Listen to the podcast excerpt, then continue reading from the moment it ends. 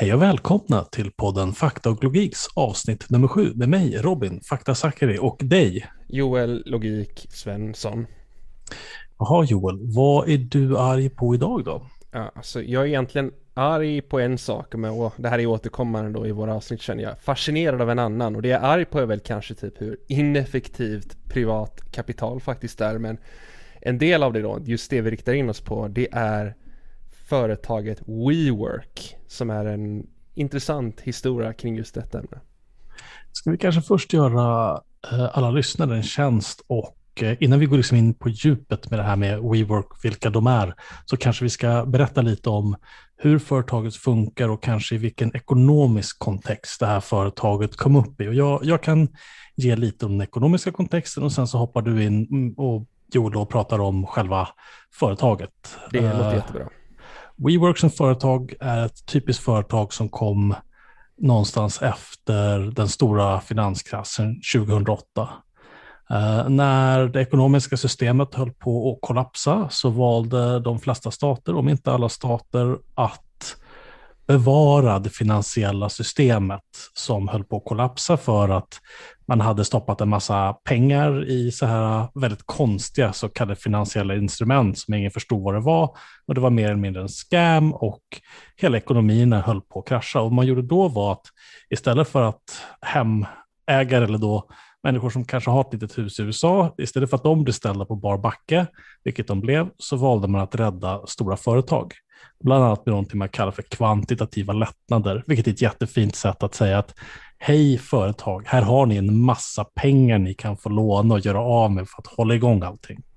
Det här går in väldigt mycket i vad definitionen av vad rik idag egentligen är. Och man kan säga att om du är rik så har du tillgång till obegränsad kredit. Du kan liksom bara få pengar, ännu mer pengar som då är lånade med typ, typ nästan ingen ränta. Och när det här då inträffar att det finns en massa människor som får de här krediterna, så billiga pengar att låna, då börjar de här människorna som är de här rika eliten, det är inte du och jag, utan det är de här väldigt rika människorna, då börjar de försöka leta på ställen där de kan stoppa de här pengarna för att få avkastning. Och när, eh, när det, liksom, världen befinner sig i en ekonomisk kris, då är det inte kanske alltid så lätt att hitta de här företagen som är stabila och ger god avkastning. Och då, då får man en inställning som är så här att jo men jag får ju gratis pengar från staten och staten kommer bara fortsätta pumpa in gratis pengar. Så vad jag gör är att jag satsar jättemycket pengar långsiktigt på saker jag tror kanske slår ut alla andra företag och kan bilda en, en marknad, ett, ett, ett monopol helt enkelt. Där har vi ju företag som Uber, eh, som aldrig har gått med vinst, med vetligen. Mm.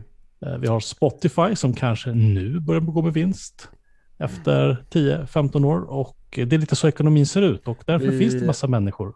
Ja, vi, vi har ju en gemensam nämnare här på, med Uber i för de är, ju, de är ju företaget men de får ju pengar någonstans ifrån. Och WeWork, de har ju fått pengar av samma organisation som har backat upp Uber. Ja, så att Enligt vi... samma liksom konceptuella idé då att det här kommer det här är, det här är någonting som kommer att kosta jättemycket men när liksom det här företaget väl får monopol då kommer det vara en så enorm sedelpress så det är värt det och vi har redan obegränsat liksom med pengar att satsa så varför inte? Och det är den här miljön där det finns människor som sitter på enorma mängder pengar och då, då blir det en företagskultur, att det finns en massa människor som liksom flyter runt i främst i tech för att man då kan lura folk att man kan bli nästa stora, du kan bli nästa, vi kan bli nästa Facebook, vi kan bli nästa Google, vi kan bli nästa, ja, X. Nästa det är grymt därför att det, det, alltså det finns det har ju funnits väldigt stor tillväxtpotential men du kan också, du kan också fantisera fram på löpande band nya liksom tillväxtpotentialer som du marknadsför. Jag menar vi det är fortfarande, text ses fortfarande, det är ju brett liksom vad det betyder men det, det ses ju fortfarande som en till, tillväxtindustri. Vi har, vi, det, det, var ju en stor bubbla som jag tror de flesta känner till vid 00-talet före där och det kanske kommer en snart igen kan man säga. Och om vi nu då har, har tittat på omvärlden, hur ser det ut, i vilken miljö det här finns, så säger vi då att det finns en upplevelse om att tech är framtiden. Det finns en massa pengar som bara skvalpar runt där och alla entreprenörer springer runt och liksom gör så kallade investeringsrunder. Man pratar med de här stora rika fonderna för att få pengar och så låtsas man att det man gör är någonting annat än det man gör. Och om vi kanske då ska gå till en av de kanske äldsta branscherna i kapitalismen, vilket är rentier, alltså att, att, att ha en plats, en mark som man ja. hyr ut. Då börjar vi närma oss WeWork fastighetsbranschen, om man får vara, får vara exakt. Men som, som grundaren eh, väldigt känt sa, WeWork är inget fastighetsföretag. Mm.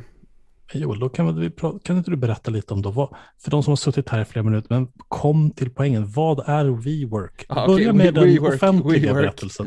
WeWork, den, alltså den offentliga berättelsen, berättelsen är väldigt uh, flummig och det, det, alltså det här, är, det här är extremt roligt faktiskt. Det, han här, grundaren för WeWork, han är liksom en uh, amerikansk israel, han är uppvuxen i i eh, Israel på, jag vet, och han har typ lite relation till eh, kibbutzen som är liksom ett, vad, ska man säga, ett kollektivt eh, eh levnads eh, eh, sätt eller system där man liksom bor typ kollektivt. Eh, jag, jag, inte, jag är inte så jätte, kan inte så jättemycket om det men och han, han har liksom tagit hela den här då ideologin och systemet och gjort om det till en gigantisk marknadsföringsgrej där han, han, han bestämde sig för att köpa Nej, inte ens köpa, förlåt, hyra kontorsytor i typ storstäder och sen dela upp dem och sen och sen eh, sälja dem liksom styck för styck. Och det kanske inte låter så jätteintressant och märkvärdigt och det, vet, det, det fattar han själv och han ersätter det med att han, de har typ skapat en sektideologi där WeWork inte bara en kontorsyta. Det är liksom det är ett sätt att leva, det är en, det är en, ny, det är en ny värld. Jag, jag kan inte ge det rättvisa på liksom hur, hur absurt han har marknadsfört det här, Adam Newman som han heter. Han har, han, han, har verkligen åstadkommit någonting alldeles fantastiskt och unikt där. Och det är jättemånga som, jättemånga som har gått på det, liksom lurats att det här kontor, kontorsytekonceptet det är någonting annat än att bara sälja kontorsyta. Det är liksom verkligen, pff, ja, som en ideologi blev det för de här personerna. Ja, jag kan hoppa in där lite och, och för den som inte då vet och har sett kanske olika dokumentärer, läst artiklar om det, så, så ska vi skapa kanske en bild hos, hos lyssnarna om hur ett sånt här kontor ser ut. Tänk dig kanske ett gammalt typ av kontor som där du kanske, ja, jag ska inte avslöja för mycket om min historia, men man kanske har en förälder som jobbar på sånt här kontorshotell, man kommer in där, det, det är stelt, det är tråkigt, allting ser ut som på 80 och 90-talet och det är företagsnamn utanpå huset och ja, det är en viss typ av känsla i de där. Det WeWork gjorde var att jo, men vi river ut all inredning och sen så gör vi det så att allting ser ut som någon sorts form av Vuxendagis. Jo, men precis. En sorts från vuxendagis. Du kommer in, det, det är öppna planlösningar, du kan se väldigt långt. Det är kanske, det kanske alltid finns kombucha som du kan dricka. Det kanske är gratis öl. För att du, du hyr ju inte bara kontorsplats.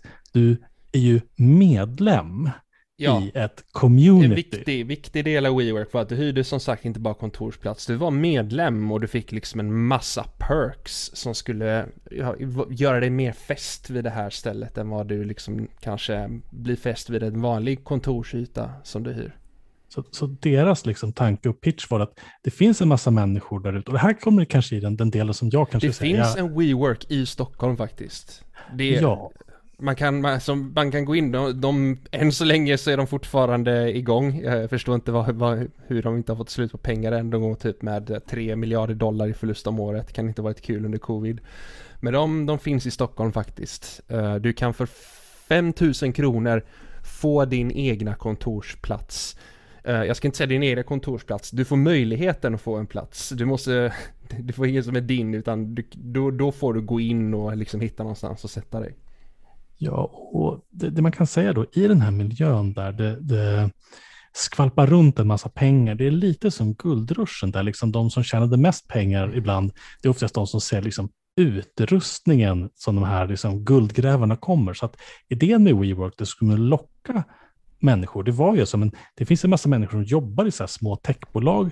De behöver sitta någonstans och om de sitter bredvid varandra, då kommer det uppstå liksom synergieffekter och ja, annat. Väldigt många tech-småföretagare som, let's face it, är också typ svindlare många av dem. Så det är en passande miljö för allihopa på ett sätt.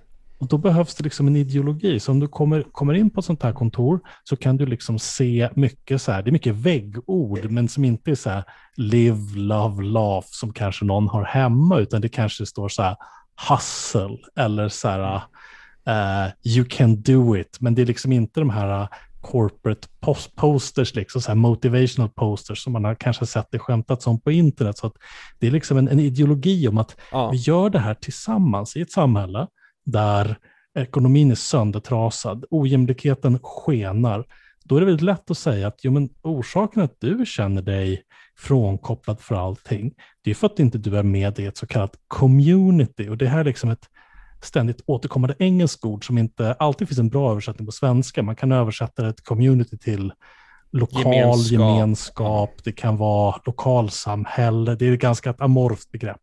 Men just den här känslan av community, Eh, och det är också en del av det de säljer. Och när du väl har fått folk att tro att jo, men du hyr inte bara en kontorsplats för att du ska sälja din arbetskraft till någon, eh, då, då blir det liksom en helt annan grej. Ja, men och det, det är lite genialiskt på ett sätt, för jag menar hur, hur ska du kunna innovera liksom och bara sälja fastighetsyta, liksom kontorsplats. Hur ska du kunna innovera det? Vad kan du göra? Svaret är du kan inte göra så mycket mer. Men du kan då börja sälja någonting annat bredvid. Och det är det, det här då, liksom känslan av samhörighet. Och den stora WeWork-ideologin. Eh, mm, vi kanske kommer in sen på de andra We-projekten som finns utöver Work. De försökte med en hel del annat. Ja, jag tänkte vi ska vara lite kvar lite i liksom själva WeWork fungerade innan vi går på deras olika sidoprojekt. Eh, men de, de kallar sig själva uh, the world's largest networking community. Så att tanken är att du ska bara, du vet de här människorna, om du kanske träffat dem någon gång, som du träffar på en fest och de här människorna behöver prata med de här människorna och då inser jag att aha, den här människan är på väg att nätverka med dig. Den är inte intresserad av dig, utan vad du kan göra för den personen. Tänk dig om du samlar alla de här människorna på en och samma plats. Då har du det. Och vi i Sverige, i Stockholm, så har vi faktiskt vår egen version av WeWork. Ja, eh, utöver som... vanliga WeWork. Vi har faktiskt, som Robin säger, en alldeles egen. Kör på vi kan, vi, vi kan ju, och det är en bra brygga över till, liksom, för WeWork, det WeWork gör ju på en mycket större skala, men i Sverige så finns det ett, ett hus på Östermalm. Eh, det heter typ Hamngatan 8, eller det heter någonting liknande. Eh, där du då kan ansöka om att få bo i ett citattecken kollektivhus för entreprenörer. Alltså jag, jag har varit nära att söka till det här så många gånger, ju liksom som ett typ lite wallraff-grej och bara ta reda på hur det är, för det verkar så himla sinnessjukt. Och den personen som, som driver det här och som äger det startade ju själv ett parti som hette Alternativet som, gick, som försökte komma in i riksdagen förra valet med väldigt god hjälp av flera medieaktörer som tyckte att de här som ingen hade talat om, mm. ingen hade röstat på, ingen hade efterfrågat, helt plötsligt fick vi liksom med SR och annat. Och alla vi som har jobbat med politik eller med samhällsförändring vet att det är jättesvårt att få med där. Men om du startar liksom en liten liksom sektliknande kollektiv på Östermalm, ja men då, då springer media benen av sig för att få liksom, vad det är det här nya spännande? K9 Co-Living, alltså K9 och K9 det är för deras adress va? Kungsgatan tror jag va? Ja, det kanske är där. Inte...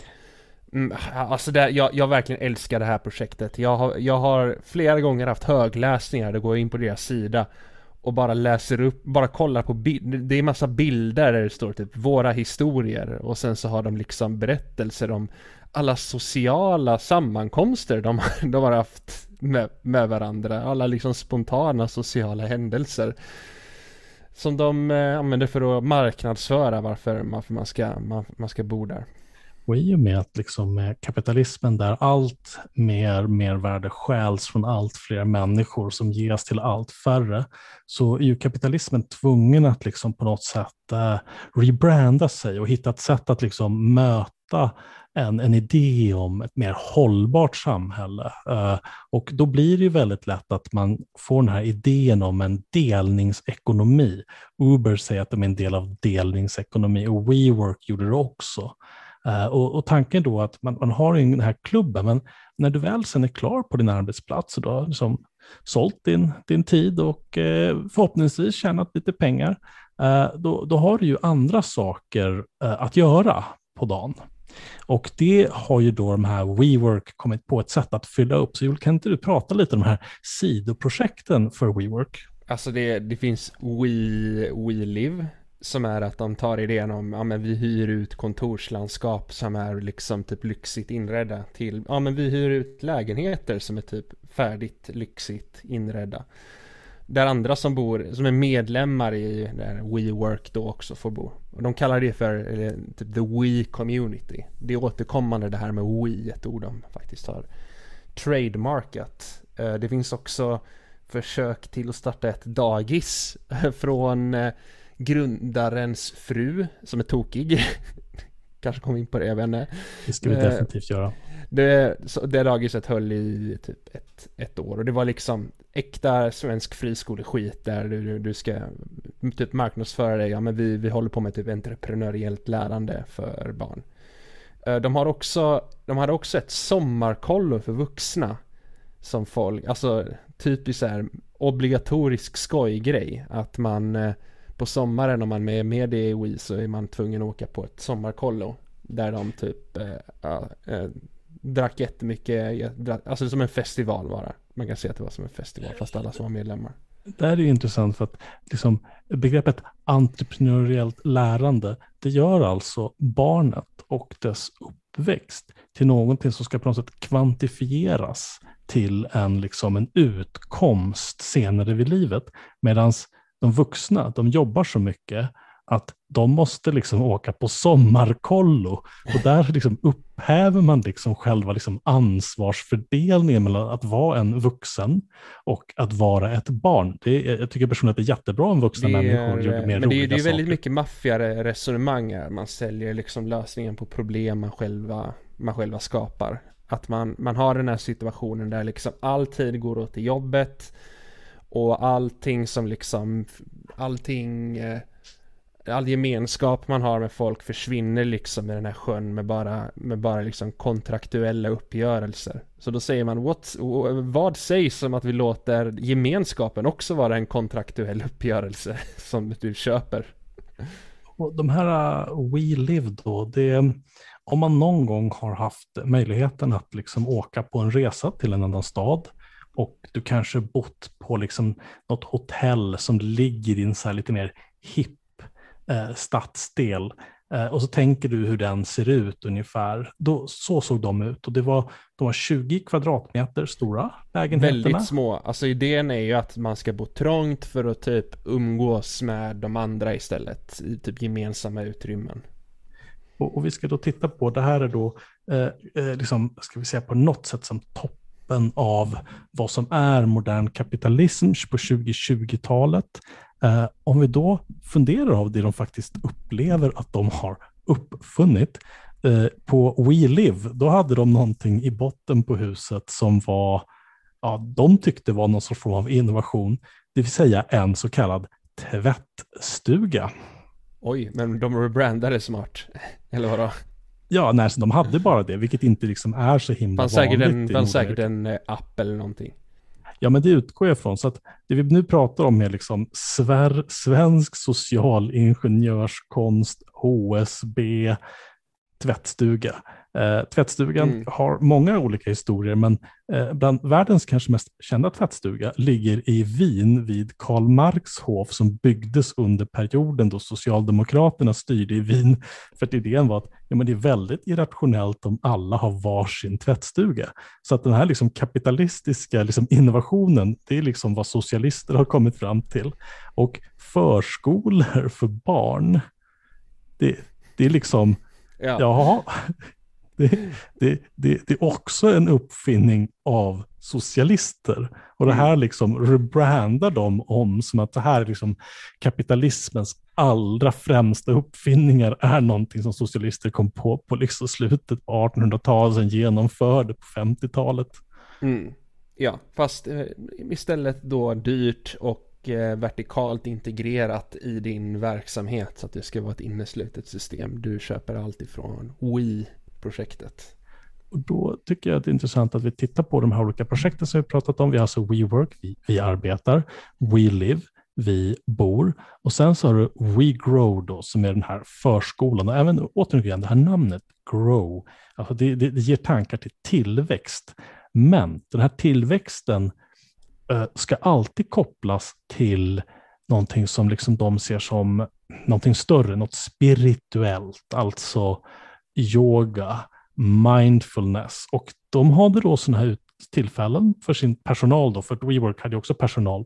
De hade jättemycket personal. De expanderade jättemycket på pengar från riskkapitalbolag och då kunde du som anställd få åka på någon sån här yoga-retreat eller liknande. Eh, men för att de skulle, företag skulle kunna ha koll på att du faktiskt ägnade dig åt mindfulness, men då hade du ett litet eh, armband som spårade att du inte gick därifrån. Så att det är liksom, eh, det här är liksom en, ja men som vi pratat tidigare om, eh, kanske pratat om Amazon när de har som en Zen Cube, alltså att det, det är som ett, en telefonkiosk som ser ut som självmordskiosken i Futurama. Ja, ja. Och äh, återigen, de säljer lösningen på problemet de själva skapar. Och eh, på tal om då liksom lösningar och saker man själv skapar så kanske vi ska komma in och prata lite mer om företagets vd, företagets vds eh, fru och företagets vds syster. Eh, Adam och hur, Neumann. Eh, och hur kanske, hur var stor anledning till att vi pratar om det här, hur allting exploderade och gick upp i rök för honom i alla fall. Precis. Um, WeWorks vd är en, var i alla fall en man som heter Adam Newman, Newman eller Neumann, det beror på vem som varifrån, men Newman verkar folk ha liksom kallat honom. Uh, han uh, var uh, lång, stilig karl, långt hår, kan prata för sig. Ja, alltså han, han, han, ser, han ser bra ut. Han har fördelaktiga karismatiska drag. Och han har ett självförtroende bortom allt annat, vilket är liksom, du kommer väldigt, väldigt långt på det i den här branschen. Uh, och uh, hans idé med WeWork, det var liksom inte bara ett, uh, att hyra ut lite kontor för att säga, ja men det kanske fanns en nisch i den marknaden. Att de flesta kontorslokaler såg rätt tråkiga ut och ja men vad sägs om att vi hottar upp det lite och ja, vi kanske kan ta en liten, en liten andel av liksom, eh, den här marknaden som är stor. Liksom. Men hans idé var ju att WeWork, det skulle ju bli, han skulle nästan bli liksom en, en kung, en, en, en mänsklig gud. Och där han liksom skulle, likt i medeltiden, så skulle liksom föra ärvas till deras, deras barn, till deras barnbarn, till deras barnbarns barn, i liksom all evig tid. Japp, ja, men alltså, jag vet inte om det var så att han tänkte, han var inne på det på direkten eller om det växte fram. För jag menar, ja, det är inte klart för mig, men jag kan tänka mig att alltså, han, han fick bara mer och mer pengar för WeWork trots att det blödde som in i helvete. Alltså mycket pengar. Han fick liksom checkar på miljarder dollar bara för att hålla allt det här igång. Och alltså, tänk ändå om du är en svindlare och du bara liksom fortsätter och fortsätter och allt går din väg. Vad, blir, blir du inte knäppt och börjar tro att du är en gud? Jag har fan blivit det. Ja, det är ju mycket av det här handlar om väldigt allmänmänskliga saker. Människor vill vara med i en gemenskap, man vill bli omtyckt, man vill kunna växa som människa kanske, bygga kontakter, liksom, ja, men sådana grundläggande. Och så kommer en, en, en kille som, som är charmig och eh, liksom ser smart ut och säger fina grejer, då, då vill ju folk gärna tro på det. Mm. Uh, och på något sätt så känns det som att det här företaget liksom låtsades som att de kunde upphäva liksom ekonomins grundläggande lagar. Och en sak som de gjorde var ju att uh, företag måste redovisa sin ekonomi på olika sätt det är lite olika i lite mm. olika länder, men du har vissa så standardiserade mått. Så att du kan liksom gå in och titta, ja, men så här, hur ser likviditeten ut, hur mycket pengar har man, mm. hur mycket pengar gjorde man överskott ett år, vilka gjorde man underskott, har man haft så här, några stora avskrivningar för att du har liksom, värdet har försvunnit ur någon fabrik du har köpt, eller, ja, Mm. Sådana finns det liksom olika standardiserade, men WeWork uppfann sin alldeles egen. Det här är en riktigt grym Enron shit det här alltså. De kallar det för, man kallar det för ebitda.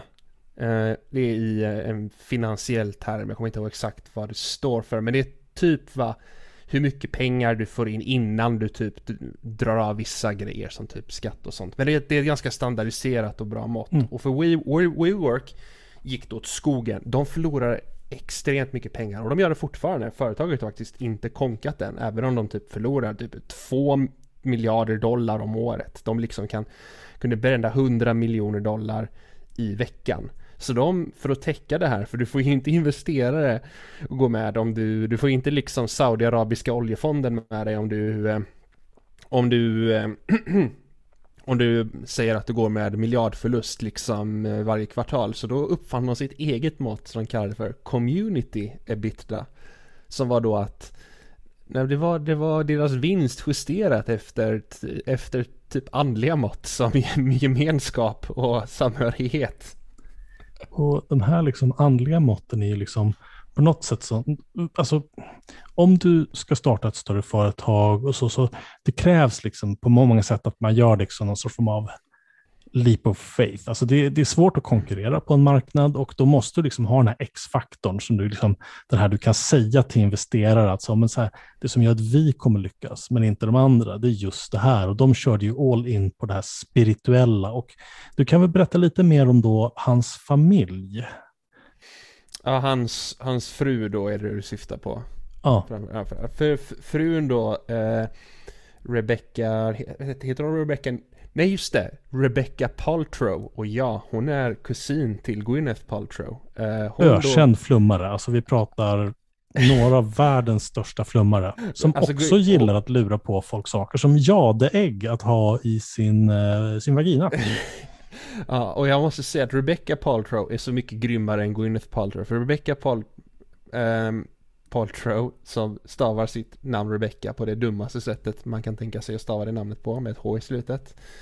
Är, ja, eh, liksom, är typ kan man säga en, eh, en, en, eh, en business-buddhist. Så det är det moderna i liksom Silicon Valley. Så att det är det är väldigt mycket blandat liksom spiritualitet med, eh, med business. Och hon var väldigt viktig framförallt för att, för, att, för att stötta upp sin man då som eh, grundade WeWork med en annan. Men sen efter att Rebecca kom in i bilden så blev det mer så att hon började bara ta över och ta över och ta över. Och hon, hon, hon typ hon, hon hade massa sidoprojekt som att hon spelade in eh, någon någon kassfilm som hon tvingade alla i företaget att se på som var, var helt sjuk.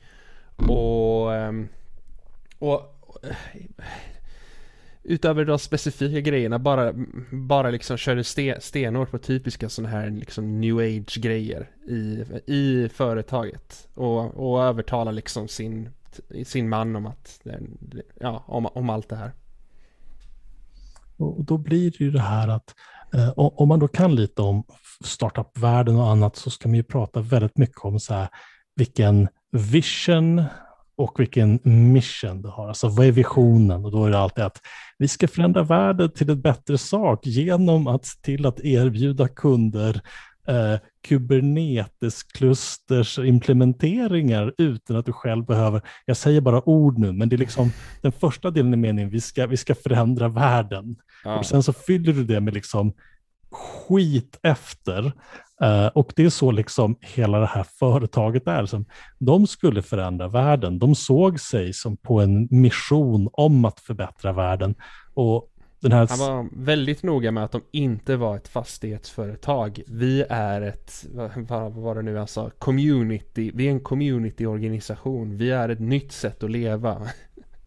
alla, alla företag idag vill ju alltid marknadsföra sig med att säga du är en del av ett community, du är en del av gemenskap, du är inte bara en konsument som liksom själsdödligt bara köper saker, utan det här är någonting större. Och samtidigt så ser vi en förändring om att allt fler i civila samhället och organisationer använder sig av samma metoder som företag och annat. Så vi ser liksom en uppluckring när, när, som, när folkrörelserna inte finns längre. Då, då hoppar företagen in dit och fyller liksom det här själsliga tomhålet. Eh, man kan också lägga till då att på det här företaget WeWork då, eh, inte bara frun var inblandad, utan också en systern. Men konstigast av allt är att farsan också verkar vara med på möten sådär av Väldigt Helt Wolf of Wall Street, eh, måste man säga. ja, alltså, Rob Reiner där i bakgrunden. Det, det, är, det är som Wolf of Wall Street, men det är liksom, det Wolf of Wall Street, det vill ju folk liksom bara ta, ko, ta kokain och liksom bli skitrik. Så måste man liksom nu på 20-talet, då har liksom, nej du kan ju inte bara vara en sån. Liksom, du, du, du är ju en American psycho. Vi är ju liksom spirituella människor. När jag... alltså, Adam Newman har ju helt klarat sig från eh, någon som helst, alltså han blev ju uttvingad ur företaget så småningom, men kanske kommer dit, men han, han har ju inte fått några konsekvenser överhuvudtaget till skillnad från dem. Han gick ut med 1,7 eh, miljarder ja, Softbank, dollar. Softbank då som eh, är den här vi som just pratade om. Det är en stor japansk investmentbank som har något som heter Vision Fund. Vision Fund får mest av allt pengar ifrån eh, Eh, Saudiarabiska Aramco, alltså saudiska oljebolaget där. De har fått typ 100 miljarder därifrån som eh, Softbank ska sen investera i olika företag och en av de som fick mest pengar är då eh, WeWork som fick åtskilliga mängder pengar. Och sen när liksom allting började gå åt skogen då blir han då Adam Newman utköpt för, för, för typ en miljard eller något sånt och får fortfarande pengar därifrån på eh, på vissa omvägar genom att typ ja, något påhittat om att han blir konsult eller något sånt. Ja, och eh, om man då tittar på det. Eh, jag och Joel tittade ju på en dokumentär på SVT som heter typ Enhörning, WeWork, Enhörningens fall eller något sånt där. Mm. Och, och, den är ganska slapp för att den går liksom inte riktigt in på exakt hur cynisk han den här Adam Newman har varit. För att han då Uh, har ju då tagit själv som privatperson då, eller något företag som han hade, och liksom tagit uh, upphovsrätt på att liksom använda ordet we framför olika saker, så WeWork, WeLive och så vidare. Och så hyrde han ut det namnet till företaget ja, för alltså, typ 6 miljoner kronor eller dollar per år helt vansinnigt. Det var ju så att de, det såg ut som att WeWork skulle gå under och då kommer de här Softbank in och bara skriver en enorm check på miljarder dollar. Helt vansinnigt och det var bara på grund av att typ han eh, Adam Newman då hade ett bra möte med han som drev eh, driver Softbank och gjorde typ ett bra intryck så då fick han den 12 minuter tror jag att mötet var, följt av en eh, gemensam bilresa till ja, nästa möte. Och så fick han pengarna. Och sen alltså, WeWork börjar helt gå åt skogen av många anledningar. Till exempel att alltså allt det här med att du ska ha ett vuxendagis kombinerat i kontor det gör att alltså, folk vill inte vara i det kontoret i slutändan. Därför att du sitter och försöker jobba och sen så har liksom folk riktiga typ sektmöten där de skriker We work, we work i bakgrunden och liksom dricker tequila. Jag tänker att du eh. sitter i en öppen kontorsmiljö. Ja. Du kanske har en deadline. Du kanske liksom helt enkelt har ett riktigt arbete i den meningen att du har liksom specifika krav från dig från andra människor utanför dig själv. Mm. Och så sitter liksom några och ska göra tequila-shot och dricka liksom gratisbärsen som finns på plats. För ja. att de har redan varit och grundat när de har suttit hemma innan de ska jobba. Och det är idén att upplösa gränsen mellan arbete och fritid. Ja. Och om du för en sekund inte är med i det här, då blir ju du liksom den här avfällningen som riskerar att sänka hela alltet. Ja, nej, alltså det var, det var, det uppstod typ konstiga sekthierarkier där, där du liksom, de hade massa fester på arbetsplatsen, men alla var inte inbjudna. Du måste liksom vara hö, hög liksom WeWork social credit score för att liksom vara med på de festerna. Så det skapade en miljö där liksom folk skulle typ konkurrera med varandra om clout. Men allt det här ledde till att de hade väldigt hög churn, alltså en term för att säga att det, det var många, många som kom in och ut och de värsta personerna stannade. Vilket ledde till att de fick stora finansiella problem för det är dyrt att ha ett vuxendagis. Eh, och eh, de här community-siffrorna som de hittar på, de, de räcker inte. Du måste ha riktiga siffror, du måste ha riktiga pengar. Så att han var i diskussion då, Adam Newman, med att få ännu en check på 20 miljarder dollar från WeWork. Och det gick nästan hem. Men han Mayoshi Son då, som driver Softbank, han var tvungen att fråga eh, saudiska prin prinsen eh, om pengar och eh, trots att de är på väldigt god fot för Mayoshi Son, han gjorde sig Han utmärkte sig efter det här Khashoggi-mordet genom att vara en av dem som inte avbokade sitt möte med eh, Saudiarabien. Trots att han var på väldigt god fot med dem så, så sa de, ja, alltså, jag vet inte, jag, vi, var, är det, är det väl en bra idé att lägga 20 miljarder dollar på det här som vi redan har lagt liksom typ 5 miljarder dollar på bara rakt ner i soptunnan. Så det blev Förstå. inte av vad mycket olja det har pumpats upp för att de ska liksom bränna de här pengarna på en galning. Men det är väldigt svårt att, så här, det är väldigt svårt att illustrera och tänka sig hur mycket pengar det är. Och eh, det här Vision Fund då, som ja. är en del av Softbank, och Softbank är en av Japans största finansiella spelare. Eh, de Världens överhuvudtaget. De är enorma. De det sägs pengar, att det är en av världens... De alltså har gett det, pengar till Klarna för övrigt nyss. Och det, det, det sägs att Softbank är en av världens, som vi känner till i alla fall, liksom främsta ansamlingar av privat kapital på en och samma plats. Så att det här är liksom jättestora summor. Eh, och för dem så är inte alltid 5 miljarder kronor så mycket. För att äh, dollar. Om du lyckas, ja, precis, ja. även dollar. Om du lyckas slå ut en sektor i ekonomin och bli liksom monopolet där, då kan du bara sitta och hämta hem monopolvinster. Så att liksom för dem så var ju visionen var ju att ja, men här är det någon människa och, eh, som, är liksom, som kan göra någonting stort. Och det var också han då, eh, chefen för, för Softbank, eh, sa ju det till han Newman på mötet att jo men du tänker för litet. Mm. Gör någonting riktigt stort istället. Och det var det liksom de fick checken och då började de bränna ännu mera pengar. Ja, de har, de har kontor bland annat nu i Stockholm um, och runt om i världen. Och jag tror faktiskt att det har funnits några år, för en gång i tiden när jag letade efter en arbetsplats för en organisation, eh, så tittade jag runt lite på eh, marknaden, fastighetsmarknaden på, för, för företag och annat. Och då hittade man så här företag som, som hade så här, ja men du kan hyra ett skrivbord. Jaha, okej. Okay. Får jag alltid sitta på den? Nej det här, du hyr en andel av tid att vara på liksom det här kuben som är rummet. Men vi kan inte garantera att du får sitta på stolen vid skrivbordet i den här kuben som är ja. liksom det vi kallar för ett rum. Uh, det kallas då hotdesking. Och det här har varit väldigt, väldigt hippt inom företag. Så här. Det, här, men... det, det, är exakt det som kostar 5 000 i månaden för övrigt från WeWork i Stockholm. Det är att få en hotdesk. Så mm. du, du, kan då komma, du får liksom komma in i lokalen och sen så får du hitta ett ledig plats att sitta. Uh, förhoppningsvis. Um, Japp. Men och det här...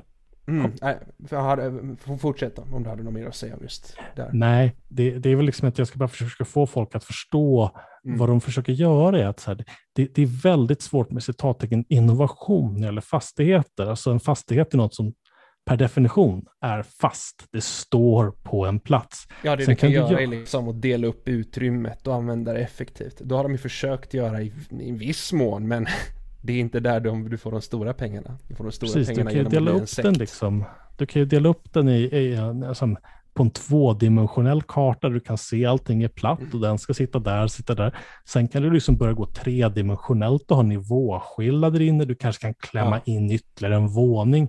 Och sen finns det en fyrdimensionella aspekten, nämligen tid. Jo, men om du köper en viss tid på det här, du hyr inte bara det här rummet som står tomt, utan du hyr den vissa tider och mm. ibland så kanske du inte får sitta där överhuvudtaget. Uh, och det är ju för att vi har enormt mycket kapital som skvalpar runt och det sätts i fastigheter, mycket i liksom tillväxtorter i deras innerstäder. Så att mm. de blir liksom tömda på folk. Vi har ju allt mer problem i städer som London och säkert Stockholm att människor inte längre bor i hus, utan det är företag som köper dem, för de har kapital nu och de kan lägga det i en fastighet och låta det bara ligga där. Och det spelar liksom ingen roll för dem. Ja. Så att ytan blir trängre och trängre. Ja, så blir det när det blir, när det blir med bostäder, liksom fastigheter, blir en ren finansiell tillgång och inte något som måste tjäna ett riktigt behov. Och då kommer WeWork och säger nej, vi är inte sån. Vi vill bygga en community, alltså vad en stad egentligen är. Så det liksom, vi bygger en egen stad i de här husen. Det var väldigt intressant att se att det var en, en, en journalist som granskade, ja, men, så här, men hur mycket är det här företaget värderat till? Ja, det var liksom helt vansinniga siffror. 16 biljarder dollar, miljarder dollar. Och Jag så tror bara, det var okay. typ 50-70 miljarder dollar var det värderat till, ungefär som max. Kanske ja. 100. Och jag tror att när journalisten då tittade, okej, okay, men han kollade upp då alla liksom fastigheter som de hyrde i och så tittade han så här, men hur stor, stor andel av huset hyr de här?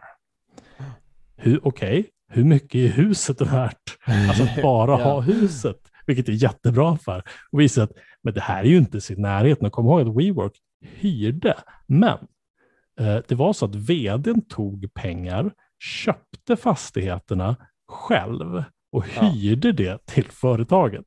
Mm. Och det här kommer knappt fram i SVT-dokumentären. Det är bisarrt vad mycket de missar. Jag uppskattar en hel del i dokumentären, men alltså den är inte bra om du får, vill få en komplett bild av det här. Den är, ja, verkligen dålig på många aspekter.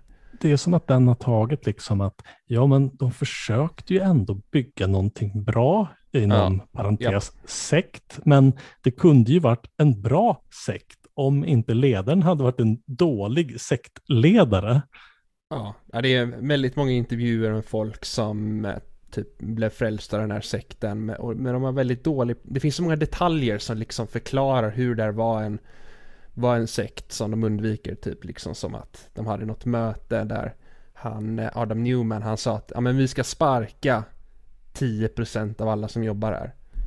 Och sen rullade han ut tequila shots till, till Run, Run DMC som spelade och så hade de en fest direkt efteråt. Och folk it's blev... like that and that's the way it is, eller jag tror ja, den. Ja, och folk blev helt hysteriska liksom och bara wow, wow, det här är så grymt, vi ska typ förändra världen. Um, det jag ville, ville säga, säga, bara om det jag pratade om tidigare, om hur allt det här uppenbarade sig och det som du just pratade om det här med hur hur liksom alla de här konstiga uppläggen. Det, det var ju så att den här, eh, som sagt, de, de, de behövde få pengar ifrån eh, Softbank. Och de fick inte pengar till slut för att de behövde, han Mayoshi-san behövde faktiskt gå till sina investerare och säga jag vill lägga 20 miljarder dollar på någonting som är helt vansinnigt. Och då sa han, det låter inte som en bra idé. Då bestämde de sig WeWork för att eh, gå, gå public, liksom att de ville börsnotera så att du kan, vem som helst kan köpa WeWork-aktier. Eh, och det var, det var ju med det som allt det här uppenbarades. När du ska göra det nämligen, då måste du skicka in vad som kallas för en S1 och det är en blankett. Där du måste skriva faktiskt hur det är med ditt bolag och du kan inte skriva liksom att ja, men vi, vi har community-justerade rörelsemarginaler som är jättebra. Och det, det, var då som han faktiskt var tvungen att skriva att ja men jag, vi, jag typ hyr grejer av mig själv via konstiga upplägg blandat med massa så new age citat om eh, hur typ de skulle liksom förändra världen och sånt. Och det, det här blev en helt hysterisk grej för att innan det här trodde folk att det här var liksom ett 100 miljarders företag. Och efter det här var det så katastrofalt dåligt bemötande att de drog tillbaka sin börsnotering. Och det är väldigt ovanligt att man gör det. De har fortfarande inte börsnoterats. De är på väg att göra det nu faktiskt. På grund av med något upplägg som jag inte riktigt fattar. Men de måste göra det för de håller på att få slut på pengar. Just, just med börsnotering är det för att man hoppas att vanligt liksom, folk investerar och liksom vem den här investeraren som bara tycker att det här verkar skitbra. Eh, liksom vilka de ens finns, vilka, vilka är de? Men, men, tydligen så tror de ju på att det finns människor som är beredda att liksom, ta en chans.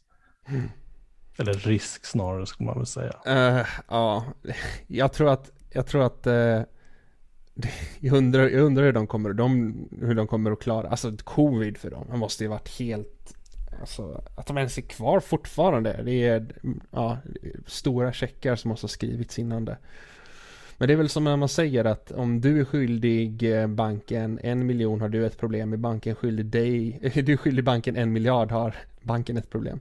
Och om, bank, om banken är eh, om du är skyldig banken 10 miljarder, 20 miljarder, ja. ja då har ju alla liksom någon sorts av egenintresse av att hålla igång det här. Då liksom. har världsekonomin ett problem. Ja, och det säger väl någonting om att vår ekonomi idag är allt mer liksom avhängigt på att någon, någon rik dude med liksom feeling har fått någonting. Eh, de tillverkar inte, alltså det är inte som en sån kapitalism som kom kanske på slutet av, ut, ah, slutet av 1800-talet, alltså på riktigt, som liksom, ja men vi, vi, vi bygger bilar, eh, vi, vi bygger båtar, vi, vi, som, vi bygger vägar. Ja. Eller pump, alltså pumpar upp, pumpar upp olja, jag menar det är där de riktiga pengarna kommer ifrån. Uh. Och, och, och, då blir det så här, men jag, jag hyr kontorsplatser till folk som, som, som känner att, de, att alla deras vänner är, är, är på jobbet. Liksom, vi är ja, vuxendagis. Det, det nästan bästa från den här dokumentären var att vittnesmålen med folk pratar om liksom bara att jag, jag har förlorat alla mina vänner utan, som inte är liksom mina WeWork-vänner för att när jag bjuder in mina riktiga vänner som jag kände innan till att vara på de här We Living, då tycker de allting är så sjukt att de inte vill vara där. Och eh, mina WeVänner, det är de som jag egentligen har någon gemenskap med, för det är de, de är de enda som förstår. Ja, och när liksom hela, då, all, hela ens liv blir ett nätverka med varandra så blir det väldigt själsmässigt tomt. Och det är väl kanske en sak som jag tyckte var bra, som säger med dokumentären, är att den själsliga aspekten inte glöms bort i de här människorna. För att vi pratar om tusentals människor som har gått igenom de här liksom företag, den här liksom sekten, eh, och som förmodligen är ganska traumatiserade. Men den, liksom, den låter skurken på något sätt liksom vara. Den, den beskriver nästan honom som någon form av person som ska man säga? Offer för omständigheter. Offer för sig själv. Ja, offer ja. för sina egna omständigheter som han ja, skapar. Precis. Och om han inte bara hade varit fullt så som han var, då hade det kunnat lyckas. Så då hade man byggt någonting annat, någonting bättre. Ja, men alltså den här personen är ett riktigt liksom amerikanskt business psycho. Alltså de, de kör liksom eh, de körde typiska amerikanska businessgrejer som att ah, men nu ska vi typ sparka 7% av all vår arbetskraft mitt på dagen på grund av typ eh, att vi behöver få lite bättre marginaler eller ja, att han bara känner för det. Eh, och att han uppfinner konstiga regler om att ah, men, man får inte ha skor på sig inomhus och att en eh, annan rolig historia. Alla kom överens på arbetsplatsen om att begreppen för latte och cappuccino skulle byta plats så att du kallade en latte för en cappuccino och en cappuccino för en latte eftersom att det var så som han trodde det var. Så de bara liksom bytte plats på det för att liksom tillfredsställa honom. Och det säger väl någonting om man liksom eh, om man ska gå till liksom statsvetenskapen så finns det ju en, en, en av de kända tyska teoretikerna är ju Max Weber och han studerade ju då den här idén om, idé om en viss, den så kallade kristna etiken eller den protestantiska etiken. Där han studerade eh, en viss typ av protestanter i Holland som liksom han menade, jo men därifrån kommer kapitalismen därför att det är ett sätt för dig att visa för, för, för Gud och för omgivningen att du är liksom utvald. Du har producerat någonting, det är liksom det här lutherska, det är någonting fint, det är någonting stort. Om vi skulle haft en sån kulturell kritiker som Max Weber idag så hade de förmodligen liksom studerat kopplingen mellan liksom buddhism och senkapitalism. Och när man är inne på, på, på WeWorks hemsida i Stockholm så ser man, äh, det finns liksom så här på hemsidan så finns det ställen där det finns massa olika symboler. Så en är för typ städning, en är, ja men ni vet hur det ser ut på hemsidor liksom. Det är ett mm. så här, gemenskap och så ett hjärta med så här, två händer som skakar hand. Ni vet precis vad jag menar. Uh, där finns det för något som heter så här, wellness och så är det en lotusblomma som är liksom en symbol inom, mm. inom olika religiösa strömningar. Uh, och det är just där hela tiden att man liksom formulerar om vad som egentligen är extremt torrt som en affärsplan och liksom pratar om liksom tillväxt och mänsklig liksom blomstrande. Och det, det är det vi hade studerat, man kanske studerat idag snarare kanske liksom den, den kristna etikens eventuella liksom grunder mm. som kapitalismen då vilar på enligt tidigare studi studier. Liksom. Mm, mm. Ja. Finns det något mer att säga om WeWork tycker du? Uff, alltså det finns egentligen hur mycket som helst att säga. Och det är väl kanske det som är svårt. Att WeWork är ganska underrapporterat om i Sverige. Det är som att vår businesspress liksom inte har tyckt att det här är en stor grej. Mm. Därför att det, det, har inte varit så stort i Sverige. Alltså, Nej, det finns bara en plats i Stockholm faktiskt. Ja, och när, liksom det var, när WeWork var som störst, då köpte de ju som hundratals eh, långsiktiga kontrakt eh, på fastigheter i ja, men i New York, i uh, Chicago, i, i, i, San Francisco. Så att mm. det var ju någonting som var väldigt liksom fysiskt närvarande. Men vi i Sverige lider ju såklart också av om det blir kraftiga rubbningar av det finansiella systemet och sådana här saker. För att då har du ju företag som Soft fund. Ja, men mm. om någonting går riktigt dåligt där, någon investering, ja men då måste ju de andra investeringarna gå bättre. Och då måste du piska ja. fram ännu mer vinstmarginal. Så sådana här saker, det är inte bara att det är liksom, oj, det är tråkigt för några rika att det här gick i putten. Det, det är lätt att tycka det och det tycker man ju, så det är inte, det är inte synd om dem. Men det gör ju också att i och med att liksom, kapitalismens stora problem handlar ju inte om att det, det, det, det är elaka människor som styr den, utan det är liksom de grundläggande liksom incitament de får. Så för varje gång du har en sån här svindlare, jo men då måste du ju liksom klämma ut ännu mer mervärde hur de andra företagen, då vet ju vi vad det här pengarna kommer tas på. Det kommer ja. tas på att krossa fackförbund, det kommer tas på att förstöra naturen. Ja, nej men de kollar på sina Excel-ark och så tar de och skruvar, skruvar upp vad de kan och skruvar ner vad de kan i princip. I intäkter och utgifter. Och de här riskkapitalistfonderna då, eh, de tittar ju då självklart inte på ekonomiska mått som community adjusted och så vidare. Nej. Men i och med att vi skulle, att det här handlar liksom om mycket mer än bara liksom en grifter, en skojare och ett företags sjuka liksom uppgång och fall så handlar det om liksom hela det finansiella systemet. Och när vi väl börjar hamna på sådana diskussioner, då kan vi faktiskt hålla på i all evig tid. Så ja, tycker... nej, alltså det, det, finns många besläktade grejer där. Jag tycker att en annan kul historia att prata om är det här Terranos. Som är, jag, jag känner det väldigt nära besläktat. Som handlar om hon bedragerskan som hittade på att hon drev ett företag som typ sålde blodprover som aldrig funkade och de fick in jättemycket pengar men deras maskiner de var bara helt hokus pokus. De köpte istället konkurrenternas maskiner. Men de fick och mycket pengar. gömde dem i ett, i ett, ett, lager långt borta där de liksom körde ja. alla testerna så länge. Så helt, de körde helt vansinnigt. Eh, hon kommer i alla fall kanske sitta i fängelse lite. Det kommer inte Adam Newman vara. Och jag tycker allt det här... Det är så himla märkligt att liksom, ingen verkar ens ha pratat om att han ska sitta i fängelse. Istället nej. så blir han liksom, åh, han blev, vad tråkigt för han blev utköpt och han har fått upp mot liksom 10 miljarder svenska kronor.